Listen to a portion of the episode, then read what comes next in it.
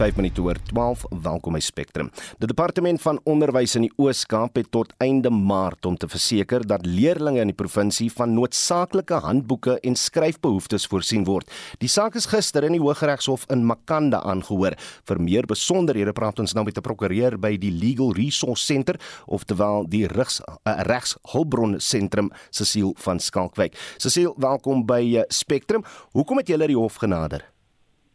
Ja, baie dankie. Ehm um, so hoe dit gewoonlik werk is dat um, aan die einde van elke akademiese jaar dan dan sal die departement gewoonlik handboeke aflewer vir die volgende jaar as ook die skryfbehoeftes. Nou hierdie jaar ongelukkig is dit nou nie hoe dit gebeur het nie en ehm um, hier rondom die 12de Januarie het skole ingelig in die Oos-Kaap dat hulle nie hulle skryfbehoeftes en hulle handboeke gaan ontvang nie. Ehm um, hulle het aanvanklik gesê dat hand dat skryfbehoeftes eers teen middel Februarie afgelewer sou word. Dis later ehm um, is daai daai tydlyn 'n bietjie aangeskuif na soort van middel Maart toe. Ehm um, en dit van die begin af het al gesê handboeke sal eers afgelewer word tussen Maart en ehm um, en Mei. Ehm um, nou ons het opgetree namens die ehm um, die Kula Development Forum in Pedi en dan nou natuurlik ehm um, 'n paar skole ehm um, en ouers wat ons genader het en gesê het jy weet dit is absoluut nie goed genoeg nie. Ehm um, die kinders sit in die klasse sonder skryfhoefde, sonder handboeke en en iets moet gebeur um, om om hierdie situasie aan te spreek. So, so dit is regtig wat aanleiding gegee tot die tot die dringende aansoek na die na die Hooggeregshof. So, so hoeveel openbare skole in die provinsie is nou nog sonder die noodsaaklike leermateriaal? So dis 'n baie goeie vraag. Ehm um, ons het um, ons weet dat ons om en by 3190 skole ehm um, wat skryfbehoeftes en handboeke van die departement af moet ontvang. Ehm um, maar ongelukkig kon die departement nie vir ons 'n aanduiding gee in hulle in hulle hofstukke van hoeveel skole is nou, jy weet, het nou nog nie hulle skryfboeke nie, hoeveel het nog nie handboeke nie. Ons weet dat die meerderheid wat wat ons genader het, het nog nie um handboeke ontvang nie. Um van hulle het al skryfboeke ontvang, maar daar is nog skole wat nog nie dit het nie. So een van die bevele wat die hof nou gister gegee het, is dat die die departement binne 7 dae aan die hof moet verslag lewer met presies daai inligting. Ehm um, hulle moet vir die hof kom verduidelik hoeveel skole het nog nie ehm um, hulle skryfboeke en handboeke ontvang nie en 'n aanduiding gee van wanneer ehm um, daai skole die die ehm um, die die behoefte sal kry. Ja goed, so dit self is nou 'n 7 dae proses, maar intussen, Cecile moet leerders seker ander planne maak omdat hulle nie wil agterraak nie. Hoekom leerders sonder handboeke en skryfbehoeftes tans oor die weg? Sjoe, weet jy, dit is dit is eintlik 'n tragedie en um, ons het ons het uh, natuurlike klomp skole besoek en ons het met ouers en met met uh, onderwysers gepraat oor wat is die stappe wat hulle nou maar geneem het om om die impak hiervan te probeer mitigeer. Ehm um, die realiteit is dat baie ouers ehm um, het het op die ouene maar self skryf toe verkoop en ek dink 'n mens moet dit ook verstaan in die konteks. Ehm um, die meeste skole in die Oos-Kaap, ek dink amper 60% van skole in die Oos-Kaap is is uh, die kinders daar, hulle ouers betaal nie skoolfooie nie. Met hmm. ander woorde, daai skole is, is totaal afhanklik vanaf befondsing van die staat. Ehm um, so dit is gewoonlik ouers wat ook um, miskien werkloos is of wie se ekonomiese omstandighede nie van so 'n aard is dat hulle noodwendig ehm um, skryfboeke kan bekostig nie en hulle is werklik afhanklik van die staat om hierdie goed te verskaf. So ouers het byvoorbeeld gesê jy weet die die aankoop van skryfboeke aan die begin van die jaar het 'n geweldige impak op ons huishoudelike funksionering gehad. Ehm um, dieselfde was waar natuurlik vir die skole. Baie van die skole het nou maar fotostate gemaak van handboeke. So daar waar hulle nou handboeke in uh, gehad het, het hulle nou sien maar 'n paar gehad en dan het hulle nou af fotostate gemaak. Dit is natuurlik 'n geweldige finansiële las vir die skole. Hmm. So met ander woorde Hulle het ehm um, jy weet waar hulle dit moes doen um, met hulle dit kos geld geneem uit ander noodsaaklike bronne uit. Een van die skole het byvoorbeeld ons gesê ons moet geld neem uit ons voedselprogram uit ehm um, wat natuurlik 'n impak het op die kinders se voedselvoorsiening by skole. So so vir die kinders was dit 'n tragedie want hulle hulle vir die staat, hulle verloor die staat. Hulle het nie penne om mee te skryf nie. Hulle het nie boeke om op te skryf nie. En ouers en kinders het in skole het maar probeer om jy weet die beste wat hulle kon in die omstandighede met met die hulpbronne wat aan hulle beskikbaar was. So sê dis jammer dat sulke sulke planne gemaak moet word, maar ek neem aan julle gaan oorsig neem uh, of oorsig hanteer van of die departement maar eintlik gehoor gaan gee in die hofbevel. Het julle hoop dat hulle dit wel sal doen? Kyk, mense leef wat altyd maar 'n bietjie in hoop. Ehm um, maar die hof het wat gister baie duidelik, jy weet dat hierdie is nie iets wat ons kan nie net die hof kan nie net die uitspraak maak en dan dan laat los ons die situasie nie. So dit is waar die waar die terugvoer aan die hof binne 7 dae natuurlik inkom en dan die een belangrike ding en ek dink dit was 'n groot bekommernis vir ons is of hierdie situasie homself gaan herhaal in die 2023 akademiese jaar. So die hof het een van die bevele wat hulle gegee het is dat die departement ook teen einde September van hierdie jaar moet verslag doen aan die hof oor waar um, hulle staan met hulle beplanning vir 2023 sodat herhaling van hierdie jaar homself nie nie uitspeel um, in in volgende jaar se akademiese jaar nie. En dit was Cecile van Skalkwyk, 'n prokureur by die Regshulpbron Sentrum, ook bekend as die Legal Resource Centre. Die parlement se besluit om voort te gaan met die proses om die openbare beskermer in 'n staat van beskuldiging te plaas, word uit verskeie oorde verwelkom. 'n Woordvoerder van die parlement, Moloto Mutapo, het vroeër die nuus bevestig. The committee had to pause its proceedings pending the judgment of the Constitutional Court regarding the constitutionality of the National Assembly rules governing the removal process for the office bearers of uh, institutions supporting democracy. The judgment of the Constitutional Court gave Parliament a green light to proceed with the inquiry, provided it makes provision for the public protector, Advocate Mkwabani, to have a legal representation during this process, which Parliament will do. The Speaker's letter to the President is being sent out of courtesy, as the President is responsible for the appointment and removal of the heads of Chapter 9 institutions in terms of the Constitution of the Republic. Lawson Naidoo van die Raad vir die Bevordering van die Suid-Afrikaanse Grondwet of KAZAK het die proses uiteengesit wat nou gevolg gaan word. It is a parliamentary committee that will now conduct the second phase of that investigation. Advocate Nkobani will be able to give evidence in her defense. She will be able to be assisted by a legal representative of her choice. Ultimately, she is accountable to the National Assembly, and this is an important part of that accountability process.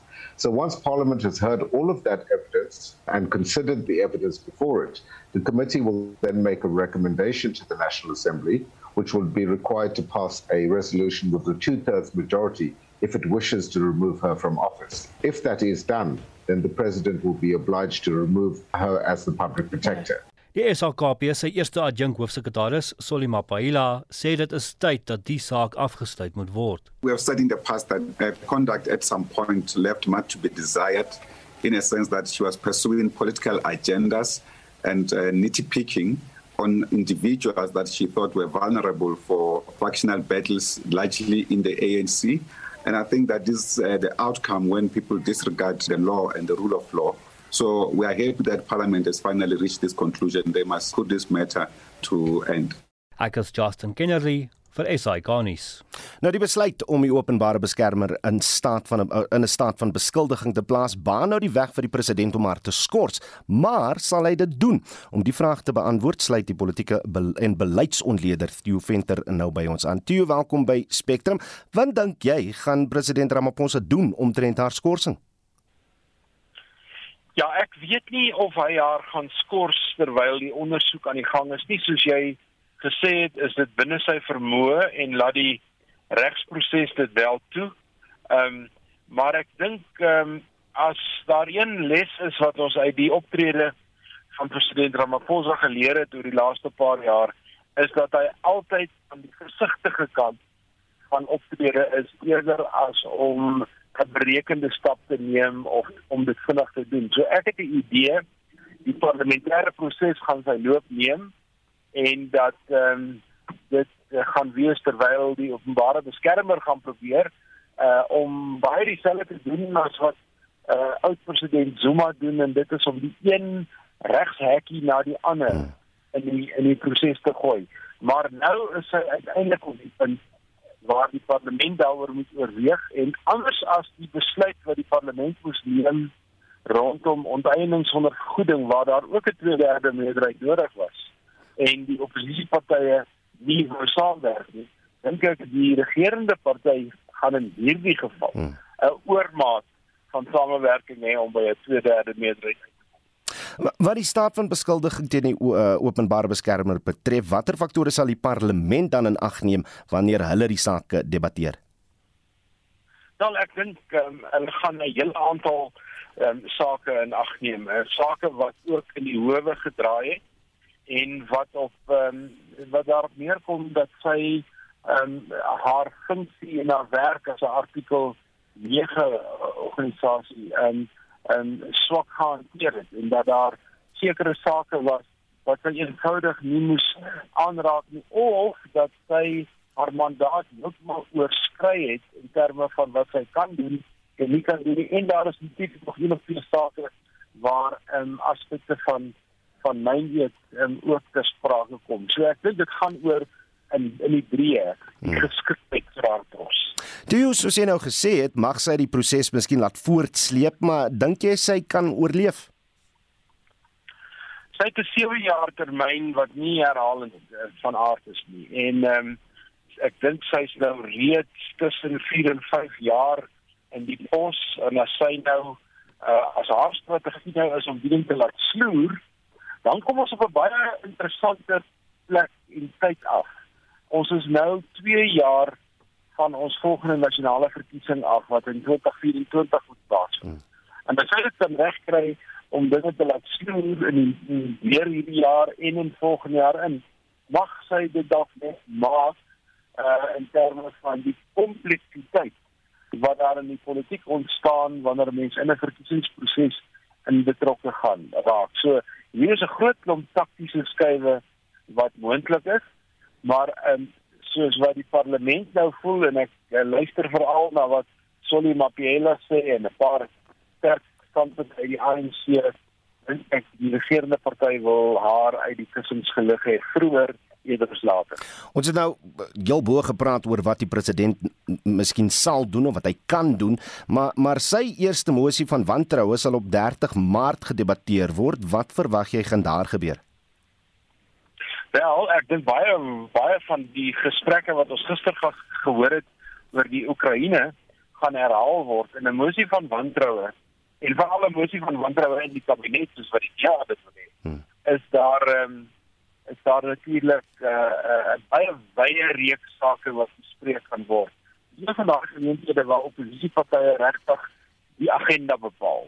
En ehm um, ek dink 'n mens gaan in 'n groot mate môre middag, donderdagmiddag wanneer die president iets gaan lewer of die gesprekke wat nou gister plaasgevind het, gaan mense aanduiding begin kry van hoe sy gedagtegang uh, in mekaar steek. Wat hy byvoorbeeld um, dink oor die Oekraïne want die alhoewel die Oekraïne nou bitter min te doen het met die openbare beskermer en in 'n sekere sin bitter min te doen het met die oorspronklike versoek vir 'n vir 'n mosie van wantroue het hierdie internasionale gebeure 8000 km van hier af. Hmm. 'n geweldige impak op die Suid-Afrikaanse politieke debat en hoe ons na dinge kyk en ek dink dit gaan eintlik die groot ehm um, word waarom die regering gekritiseer gaan word veral. Dit betrek by die regering se standpunt oor ehm um, waar hy homself bevind um, met die Russiese inval in die Oekraïne. Nou, politieke en beleidsontleder Theo Venter, ons sê vir jou baie dankie vir jou tyd hier op Spectrum. Rusland se inval in Oekraïne het dit genootsaak dat Suid-Afrika sy eie olie begin vervaardig. Dit was die mening van die adjunkdirekteur-generaal van die Departement Minerale Hulpbronne, Tseliso Makobela, toe hy gister 'n voorlegging aan die parlement gedoen het oor die internasionale ru-olie krisis. Ons praat nou verder daaroor met Corneel Schabort, uh, dosent van Noordwes Universiteit se skool vir chemiese ingenieurswese. Corneels, middag, welkom by Spectrum. Hoe lyk Suid-Afrika se eie bronne in terme van gas en olie? Middag Oudo en middag aan die luisteraars. Wel, um, ons het gehoor wat die adjunkdirekteur-generaal Celiso Makubela gesê het en hy sê Suid-Afrika moet daarna streef om onafhanklik te wees in terme van fossielbrandstowwe. Nou die realiteit is Alhoewel Suid-Afrika beskik oor steenkoolbronne en ook natuurlike gas tot 'n mindere mate, voer Suid-Afrika al sy ruolie in vanuit die buiteland. Nou ek weet die luisteraars is bekend met Brent ruolie en hulle hoor altyd hoe gepraat word oor die Brent ruolieprys, maar Suid-Afrika voer nie Brent ruolie in nie. Ons kan dit bloot nie bekostig nie. Ons gaan vir goedkoper opsies, hoofsaaklik uit die Midde-Ooste en Wes-Afrika. Nou die voorstelle wat meneer Makubela gemaak het, sluit in eksplorasie hmm. om dan nou ekstra bronne te gaan ontdek, het sy gas of olie en uh, dan gevolglik ook meer beleggings in plaaslike raffinaderye sodat hierdie nuutgevonde olie of gasbronne geraffineer kan word tot finale produkte soos petrol en diesel en straalerbrandstof. Nou as ons kyk wat gebeur het in die Oekraïne en die oorlog wat daar aan die gang is, dan leer dit ons die wêreld is te afhanklik van fossielbrandstowwe. So wat meneer Makubela sê, ek stem met hom saam. Hmm. Suid-Afrika is bloot aan die ontvangkant van internasionale konflik soos hierdie. Nou of eksplorasie en beleggings in raffinaderye die antwoord is, wel daaroor gaan ons eers baie mooi moet besin. Want in die eerste plek, daar is bepaalde omgewingsimpakte en ek sal sê die sleutelwoord is balans. Hmm. Ons moet die omgewing oppas, maar dis ook 'n realiteit. Ons sit in Suid-Afrika met werkloosheid en 'n brandstofprys wat bly styg. So dan moet iewers gekyk word na 'n gebalanseerde oplossing. En tweedens, waarheen beweeg die wêreld? Die wêreld beweeg weg van beleggings in raffinaderye. Die wêreld beweeg weg van fossielbrandstowwe. So vir Suid-Afrika om nou ewe skielik wakker te skrik en hierdie fossielbrandstof superreus te wil word in die hmm. naam van onafhanklikheid, ek dink nie dis die antwoord nie. Hy hy het tog die adjunkdirekteur het tog ook na biobrandstowwe verwys as 'n alternatief. Is hierdie 'n opsie vir Suid-Afrika? Wel, Oudo, biobrandstowwe, ek is self baie lief vir biobrandstowwe. Ehm um, so ek het natuurlik 'n uh, liefde daarvoor en ek dink dit kan deels 'n oplossing wees om ons ten minste net 'n bietjie minder afhanklik te maak van die internasionale wêreld. Maar Oudo wat die luisteraars nie weet nie, wetgewing is reeds in Oktober 2015 goedgekeur dat alle diesel in Suid-Afrika ten minste 5% biodiesel moet bevat en alle petrol 2% bioetanol moet bevat en daardie dit word spesifiek so in die wet geskryf dit moet plaaslik vervaardig wees. So ek kom maar uit by die regering se onluit uit te voer. So dis pragtig en dit lyk wonderlik op papier. Hmm. So hulle kon nie eers in 6 en 'n half jaar hierdie 'n realiteit maak nie. Om nou daaroor te praat, dis niks niets nie. Biobrandstowwe is al 6 en 'n half jaar gelede in in die staatskoerant gepubliseer dat dit moet bygevoeg word, maar maar dit gebeur nie. Ek wil jou net vra oor vorige pogings deur Suid-Afrika en die regering sedert 1992 het Suid-Afrika gas verwerk van ons eie mosgas aanleg in Mossel Bay. Dan staan hy nou bekend as Petro SA. Watter bydrae het Petro SA gemaak tot SA se brandstofpool? Nou as ons kyk Petro Suid-Afrika het 'n kapasiteit van 45000 vate per dag. As ons dit met vergelyk met Sapref in Durban, hy's 4 keer groter of Natref hier in Sasolburg hy's net meer as 2 keer groter. So dis nie 'n groot aanleg nie. Maar ons moet onthou dat Petro Suid-Afrika dieselfde tegnologie gebruik as wat ons sien by Sasol se raffinaderry in Secunda. Nou die Fischer-Tropsch tegnologie word gebruik om steenkool of natuurlike gas om te skakel na sintetiese brandstowwe. Nou sou dit 'n goeie idee wees om eksplorasie te oorweeg ten einde 'n nuwe gasbron te vind vir Petro Suid-Afrika? Wel, ek dink die antwoord is ja, maar ek dink omgewingsaktiviste sal my steenig vir daardie stelling. Um ek sê maar net die aanleg is klaar daar. Hy staan in Mosselbaai, hy's reeds in bedryf en vir die kort tot medium termyn dink ek dis 'n goeie idee. Maar weer eens dit kom by daai gepolariseerde debat uit van omgewing aan die een kant, ekonomiese vooruitgang aan die ander kant en ek dink dis nie of die een of die ander een nie, ons gaan moet 'n goue middeweg vind. En dit was Corneel Chabot, 'n dosent aan Noordwes Universiteit se skool vir chemiese ingenieurswese. Die regering het gister Suid-Afrika se ramptoestand tot 15 April verleng. Die besluit word tans in ten minste een hofgeding teengestaan, maar dit laat wel die vraag ontstaan watter sektore in ons ekonomie is nog steeds tot stilstand gebring weens die ramptoestand en meer spesifiek vlak 1 van inperkingsregulasies. En watter verskil sal dit maak in die sektore as die ramptoestand opgehef word? Ons het by professor Elmarie Slabbert van die Tries Navorsing Eenheid aan Noordwes Universiteit gaan kers opsteek.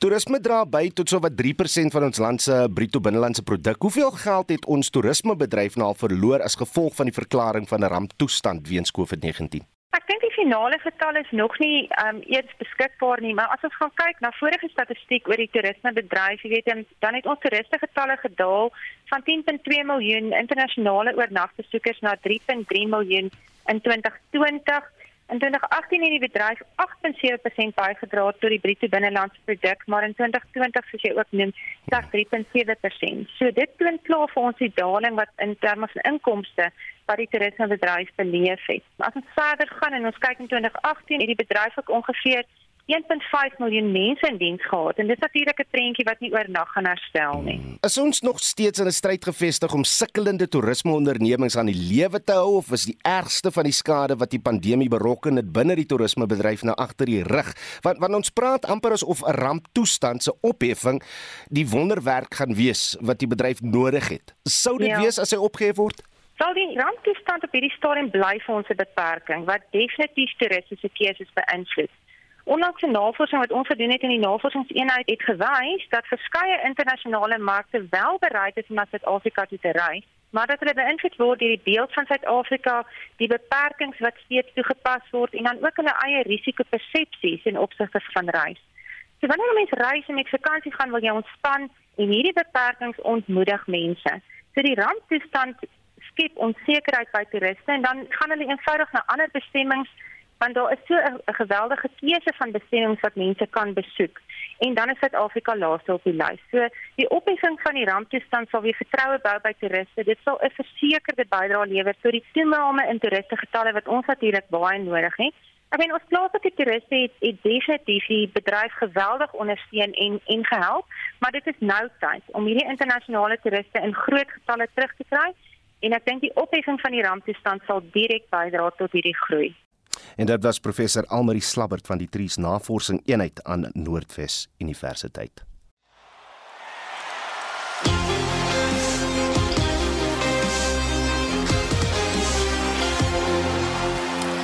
Presies 12:33 en van eerskomende Vrydag speel die mans Protea span in 3 eendag wedstryde en twee toetse teen Bangladesh. 30 punte in die Wêreldbeker Superliga is op die spel. Suid-Afrika se tans in 10de plek op daardie punteleer na 10 wedstryde. Bangladesh, die besoekers, sit heel bo na 15 wedstryde. Slegs die top 8 spanne sal outomaties kwalifiseer vir volgende jaar se eendag Wêreldbeker toernooi in Indië. Ons praat nou met die voormalige Protea en ook die man wat Bangladesh se span aangevoer het as die afrigter van van hul kolwers tydens verlede jaar se T20 Wêreldbeker. Ashwell Prince, welkom by Spectrum. Middag, middag, hoe gaan dit? Uh baie goed uh, en ek wil net miskien op 'n persoonlike vlak begin en vra, hoekom het jy gevoel jy moes uh, na die Wêreldbeker jou rig draai op Bangladesh cricket? Ja, uh Udo ons het ek ons het baie goeie tyd gehad in Bangladesh. Ek ons ek ek uh, vernoem obviously na uh Rasul Domingo was die ook agter afrigter en daar so met uh outos Gibson voormalige afrigter van van van die Proteas ook. So ons het baie goeie tyd gehad. Ehm um, ons het 'n reeks gewen, 'n T20 reeks gewen teen uh Australië, New Zealand en dan 'n toets gewen in New Zealand self. Ehm um, maar as net vir my 'n bietjie te veel tyd weg van my familie af gewees uh, om die waarheid te sê. Ehm um, internasionale cricket is 'n man maar baie minder hy so uh, as maar persoonlike besluit gewees ek wil net 'n bietjie nader aan die kinders en nader aan die huis wees. Ja, jy het 'n hele paar jong kinders daar by die huis, nee. Sê my, Bangladesh se rekord in Suid-Afrika se histories baie swak, maar watter gevare hou hierdie besoekende span aan die Proteas en veral met die kolf uh, Ashwell? Uh, wie vermoed jy gaan moontlik uitblink hier in Suid-Afrika? Nee, in in eendag wedstryde sal ek sê hulle het redelik 'n paar uh goeie jong spelers. Daar's natuurlik nog steeds uh Tammy Minkbal wat die kaptein wat voor die aanvangskolwer is. Dan daar nog ander twee twee ervare spelers en ehm um, en Shakib Al-Hassan natuurlik daar. Hy sal nommer 3 of so sal hy inkom 3 of 4. Mushfik Mushfikur Rahim. Hy is voormalige paaltjiewagter uh, en en en en middelorde kolwer. So uh, daai drie is is die manne wat nou die ervaring bring en dan is daar nog 'n heel wat 'n paar jong spelers. Ehm um, in particular as daar um die laaste se naam uh kan jy nou by maar ek sal hom by kom en dan wel net 'n das wat uh, ek dink hy sal hy sal heel waarskynlik nommer 1 of nommer 3 hy sal hy sal nommer 1 of nommer 3 wees. Um en hy is nogal in baie goeie vorm op die oomblik. Um en ek dink saam met um Tammy Mikbal sal hulle nogal 'n 'n goeie vennootskap vorm. Uh een is links, een is regs en hmm. albei baie baie aggressief. Ehm um, die laaste hier nie in die middelorde wat wat ek kan dink is ehm um, Droebel. Mm. Uh Afif Hussein Droebel. So hy is hy is een wat nog jonk is, maar hy het nou nie onlangs gereeks teen Afghanistan baie goed weer vertoon so en sy vorm is baie goed te beoomlik. Dan wil ek net by 'n 'n breër kwessie uitkom. Ons voorste spelers is wel beskikbaar vir die eendag reeks, maar spelers soos Kagiso Rabada, Lungiengidi, Aiden Maker, Rassie van der Dussen en so voort, hulle hulle gaan dan vertrek vir die IPL en 'n reeks van twee toetse misloop. Wat dink jy van Cricket Suid-Afrika se benadering om die sluit aan die spelers oor te laat en ook is dit nie die taak van die internasionale kriketraad om meer te doen om te verseker dat 'n T20 toernooi nie terselfdertyd as 'n groot internasionale reeks plaasvind nie? Ja, uh Udo, dit is van van van van my oogpunt af en, en ek praat maar van buitekant af wat nou ver weg van die aksie af sit. Hmm. Um om my waarheid te sê, ek, ek dink ek voel ek het genoeg um, inligting om kyk die die kontraksituasies deesdae is baie verskillend uh in die tyd wat ek nog gespeel het vir die Proteas. Uh destyds was daar nog net ehm um, wat was daar twee internasionale ehm um, formats ehm um, uh, die toetsreeks en dan die 50 overs ehm um, reeks nou deesdae is daar die T20 en en natuurlik is die T20 ligas nou nog by en en en en omtrent die spelers se kalenders en en ehm um, hoe hulle kontraksituasie is met met met Cricket Suid-Afrika. Ehm um, soos ek sê van die buitekant af ehm um, Salamanma moet uh hy gee my eintlik is hy nou ehm um, you know ehm um, wat sy neem liewer oor oor hulle kontraksituasie. So maar ek dink van CSI se kant af sal um, sal moet meer uh, kommunikasie wees met die spelers in die toekoms en selfs saam met die ICC want ehm um, natuurlik die die die die die die future tours program word uitgesit deur die ICC. Mm. Um en van Suid-Afrikaanse cricket oogpunt af sal hulle wil seker maak dat um as hulle as hulle beste spelers nou wel elke jaar in die IPL gaan speel dat dat uh, dat daar niks um internasionale wedstryde um clash met die met die IPL so ek dink dit is natuurlik 'n discussion wat ek mm. verneem um sal sal sal baie belangrik is vir Cricket Suid-Afrika en vir hulle spelers wat wat ultimately hulle beste spelers is. As wel net so vinnig terwyl ek en jy nou gesels het, het Cricket Suid-Afrika nou net aangekondig dat uh, die man wat waarnemende uitvoerende beampte was, Poletsi Moseki, nou die uh, die werk permanent gaan kry. Hy gaan nou aangestel word. Enige enige menings daaroor? Ehm um, ek dink ek het enige ek het nog ooit saam met die man uh, in in in in in kontak gekom is waar ek ken baie min van die persoon self, maar uh wat ek kan sê is alles van die beste en en ja, Suid-Afrikaanse uh, cricket uh, natuurlik onlangs het baie baie posisies wat um interim posisies was en ek ek seker ek is seker dat hm. dat uh dat CSA nou um die die die die doubts oor die posisies of die onsekerheid oor die posisies wil uh wil um hanteer en en en en en ja, so alles van die beste vir die man wat aangestel is. Nou alles van die beste vir jou en dankie vir die tyd. Dit was voormalige Protea speler en ook internasionale cricket afrigter Ashwell Prince. Ons sal môre miskien so 'n bietjie ontleding kry oor die uh benoeming wat nou gedoen is deur Cricket Suid-Afrika. Maar kom ons gaan nou na die die hoofstorie reg om die wêreld. Rusland se inval in, Oekraïne. En ek sien Justin Kennedy, president Volodymyr Zelensky van Oekraïne sê vredesgesprekke met Rusland vorder flink. Ja, en dit is die jongste positiewe nuus uit die konflik. Zelensky sê in 'n video-toespraak dat die eise wat gemaak word meer realisties begin klink, maar die BBC se Jonah Fisher sê egter dit is onwaarskynlik dat daar gou 'n kompromie bereik sal word. Looking from the outside, it's hard to see how that's possible while missiles are still flying. This is only going to stop when Russia really wants it to stop or Russia runs out of energy. And at the moment, certainly looking at the way things are going with fighting in lots of different places, cities under siege or becoming under siege, it doesn't feel like Russia is at the moment about to stop this war.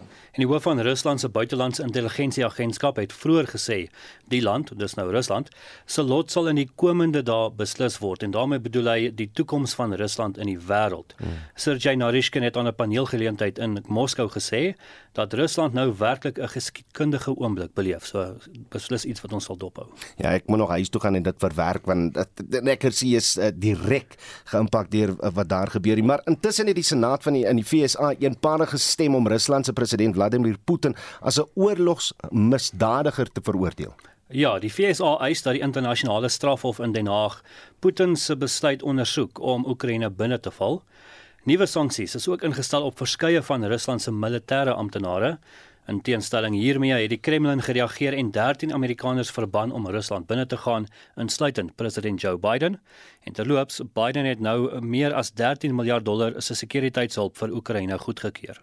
With billions more included in this bill for new humanitarian assistance, we're going to be able to quickly ramp up our response and help alleviate the suffering that Putin's war is causing the Ukrainian people and the region. This bill also provides necessary economic support for Ukraine and Ukraine's neighbors that are impacted by this war. Things like loan guarantees, direct financial support, including to address the needs like energy and cybersecurity. En in ander nuus, Litouwe se president uh, Gitanas Nausėda sê sy land is bereid om Russiese olie en gas invoere te stop. Yes, we are ready. It would create some problems, but those problems would be not critical. Of course, it depends on time, how long we will need in order to adjust. But I would say it in other words. We are better prepared for such cut from Russian energy resources than many other countries in European Union. Disin gaan Russiese magte steeds voort om stede reg oor die Oekraïne te te teiken. Ja, en dit sluit die hoofstad Kiev en stede soos Donetsk, Luhansk, Mykolaiv en Vinnytsia in. Ten spyte hiervan meen Brittanje se ministerie van verdediging dat Moskou se magte sukkel om die tempo van hulle opmars deur die Oekraïne of deur Oekraïne te handhaaf. Hulle bly hoofsaaklik op die padnetwerk en is glo huiwerig om af te wyk en deur die bosse en vlaktes te beweeg. En Oekraïne het ook bro opgeblaas wat sake bemoeilik. En Ouro, soos jy seker weet, oorlog is nie goedkoop nie. Oekraïne se eerste minister Denis Shmyhal sê die land het meer as 500 miljard Amerikaanse dollar se skade gely sedert die begin van Rusland se inval en dring daarop aan dat Moskou vir herstelwerk na die oorlog betaal. Ja, klink bietjie na wat in 19 46 gebeur het uh, die wêreld oor. Maar dit Justin Kennedy met die jongste konflik nuus. Die Life is hierdie benie geregtelike doodsondersoek die dier in Pretoria voort met getuienis wat deur mediese kundiges gelewer word. Die voormalige president van die Suid-Afrikaanse Vereniging vir Psigiaters, Dr. Mvuyisi Talatala, het begin om vanoggend te getuig oor die onsuksesvolle pogings om die regering te waarsku dat die Life is hierdie benie tragedie voorkom kon word. Altesaam 144 psigiatriese pasiënte is dood nadat hulle in 2016 deur die Gautengse Departement van Gesondheid van van Life Esidimeni na verskeie nie-regeringsorganisasies verskuif is wat nie bevoeg was om na die pasiënte te kon omsien nie. Ons praat nou met ons verslaggewer Fanuel Shuma wat die hoof hofverrigtinge liewer bygewoon het. Fanuel, good afternoon. Welcome to the show once more. Another important witness testifying. What are some of the most important things that Dr. Talatala raised so far in his testimony? Uh, goeiedag, uh, good day. Uh, yes, we're having the second uh, expert witness testifying today after we had uh, another expert witness yesterday, uh, Professor Pinar, who also uh, mentioned a whole lot of things in, in relation to how things unfolded at Life Esidimeni after it was shut down by the Gauteng Department of Health in June 2016.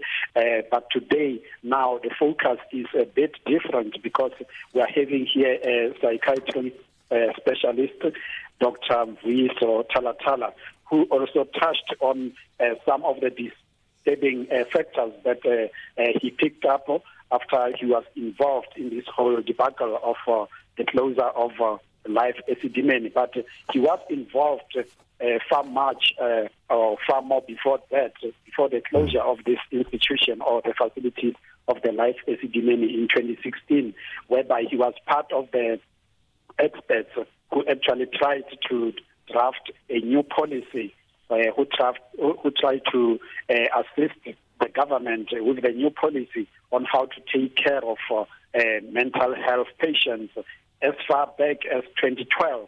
And uh, uh, according to his evidence, the way it is going is that the department or the government didn't really take it serious. They, did, they didn't take uh, this intervention very serious.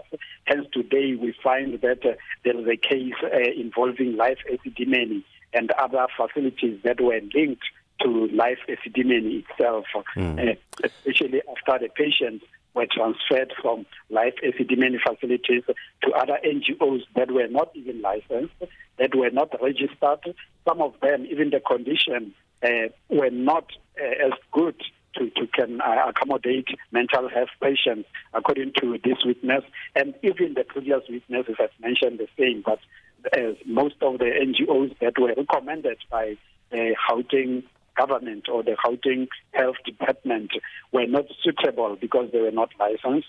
They were some of them were still under renovation. At some stage, uh, patients were taken to nearby hospitals that didn't even have the resources to take care of our mental health patients.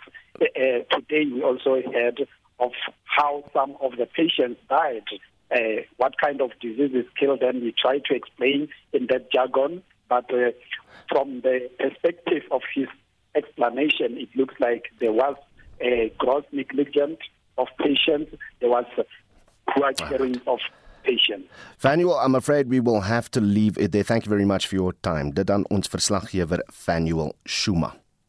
Nou 'n besondere skildery van Karen Knop van Kakamas in die Noord-Kaap oor die landskap waarin sy woon, het 'n wêreldbekende komponis en pianis van New York so begeester dat hy musiek daaroor gekomponeer het. Dit is nou deel van 'n musiekkonsert waarin Magen Alexander verskeie skilderye op doek eh, projekteer wat hom geïnspireer het om musiek daaroor te skryf. Die musiekkonsert vind vanaand in New York plaas. Estie de Klerk het met Knop gepraat.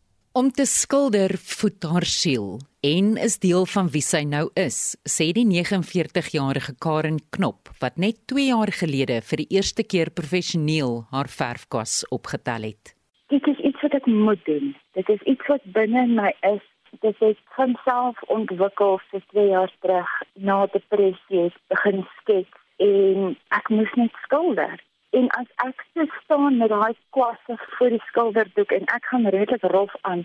So dit is die eerste keer gedoen het na my depressie. Ek het gevoel dit is waarvoor ek gebore is. Daar's goeie binne in my wat ek moet uitsit op 'n skilderdoek vir geen ander rede as net dit is my passie. Dis wat ek wil doen.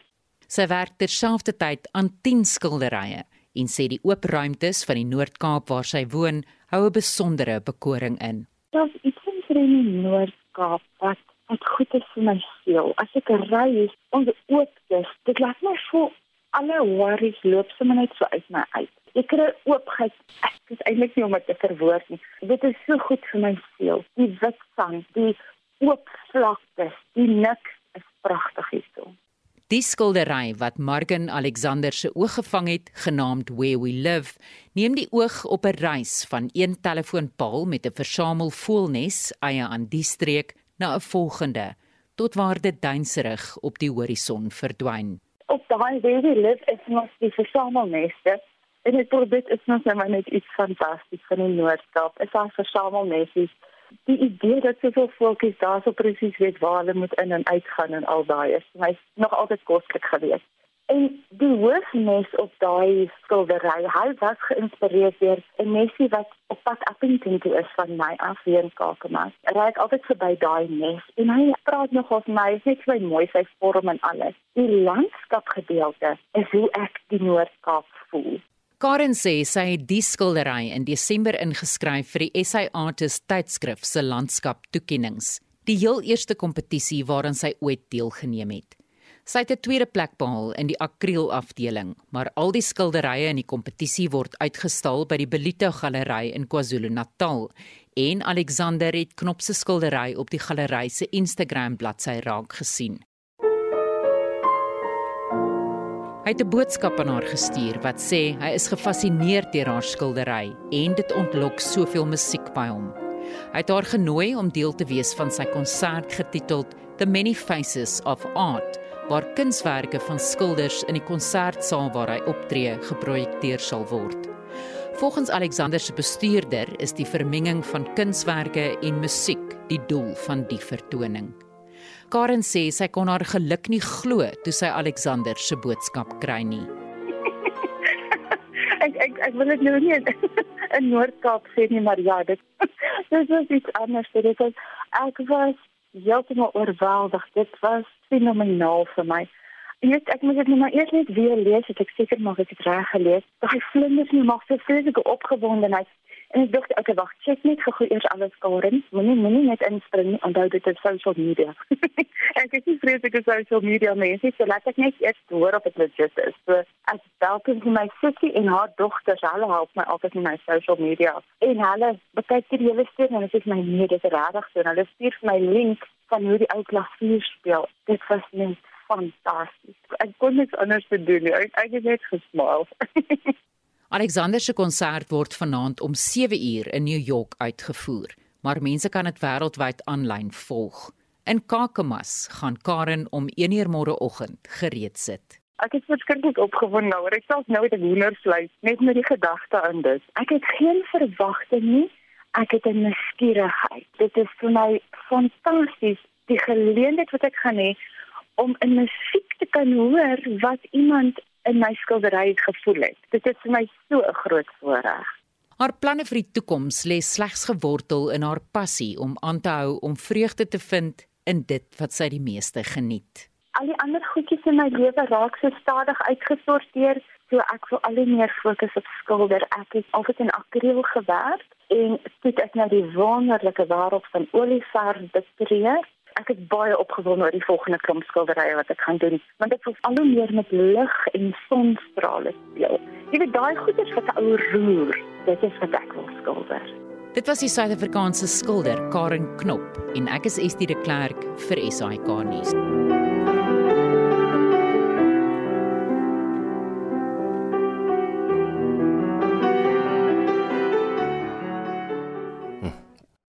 Die Suid-Afrikaanse sportsektor word steeds erg geraak omdat die nasionale ramptoestand verleng is. Volgens volgens die voorskrifte word slegs 2000 toeskouers in sportstadions toegelaat. Estie de Klerk het meer besonderhede.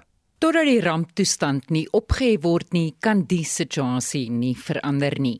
Die bestuurende direkteur van Nielsen Sport Suid-Afrika, Jean Willers, sê hulle pleidooie val op doewe ore. The state of disaster being extended, it makes it another month closer to big events, big international events. Fans are unsure can they buy tickets? Should they book accommodation? Should they book flights? They're worried about that space because they're not sure if there's any certainty within this industry at the moment. Suid-Afrika sal na verwagting vanjaar groot internasionale sportbyeenkomste aanbied, maar Willer sê die gebrek aan toeskouers wek nie vertroue dat die geleenthede 'n sukses sal wees nie. It almost feels as though these decisions are being made without any science, without any proof, without any real thought being put into it. And the longer this gets extended, the more the industry gets frustrated. Hoewel die regering bereid was om met relevante belanghebbendes oor die situasie te vergader, het die samesprekings nog nie plaasgevind nie. Willer sê die sportindustrie is ook skuldig. We've all sat back and expected somebody else to do more. We've expected the federations, we've expected SASCOC, we've expected the Minister of Sport to really stand up and rally this industry. And I don't think we've done enough. We definitely haven't stood together as an industry. Duisende werksgeleenthede in die sportbedryf is verlore, maar die sportindustrie het met innoverende oplossings na vore gekom, soos hoe om toeskouers op ander maniere betrokke te kry. Die verslag is saamgestel deur Lebohang Dube en ek is Estie de Klerk vir SAK nuus. Reg, Joan Mario, uh, soos gewoonlik 'n oog oor die dag se ontwikkelende nuus en sosiale media tendense. En ons begin op sosiale media waar die McCain Foods Groep aangekondig het dat sekere pakke bevrore produkte aan winkels landwyd onttrek word, dit nadat glasstukkies in van die bevrore groenbone en roerbraai groente ontdek is. Nou vir 'n vir 'n volledige lys van die produkte wat herroep word en die se vervaldatums kan jy mccain.co.za vorentoe skynstreep retail besoek. Intussen sit inwoners van Centurion in Pretoria steeds sonder krag. Dis glo weens kabeldiefstal. Die metro se woordvoerder, Selby Bukaba, sê die kabels kan nie vervang word nie omdat munisipale werkers staak. We apologize to our residents and customers for the inconvenience caused and we have given the employees an ultimatum to return to work within the effect because the strike that they have embarked upon, even if they don't call it a strike, is unprotected. Maar dis nie die einde van die mense se kragprobleme nie. Verskeie gebiede in die noorde en weste van Johannesburg, en dit sluit in Weltevredenpark en Randpark Rif is ook sonder elektrisiteit. Die kragonderbreking is veroorsaak deur 'n brand by een van die substasies. Nou City Power sê die brand is geblus, maar dat herstelwerk eers kan begin wanneer die substasie afgekoel het en dit veilig verklaar is. En dan is daar ontwrigtings in Johannesburg se middestad dit weens protesaksie teen die Gautengse departement van gesondheid. Dis uh weens hulle besluit om die poste van 8000 tydelike verpleegsters te skrap. Hulle betoog tans weens daardie besluit. Hulle kontrakte loop die maand tot 'n einde. En dan die Hitsmerk National State of Disaster steeds uh, word duisende kere gedeel. Die regering het die ramptoestand gister weer eens verleng. Die Wes-Kaapse premier Allan Windey sê dis onaanvaarbaar terwyl iemand soos Gideon uh, Uber van DSA sê die regering klou vas aan magte wat destyds noodsaaklik was. Nou, dit dan Joan Marie en ek is Oudo Karelse en ek is môre weer terug met julle op Spectrum tussen 12 en 1. Totsiens.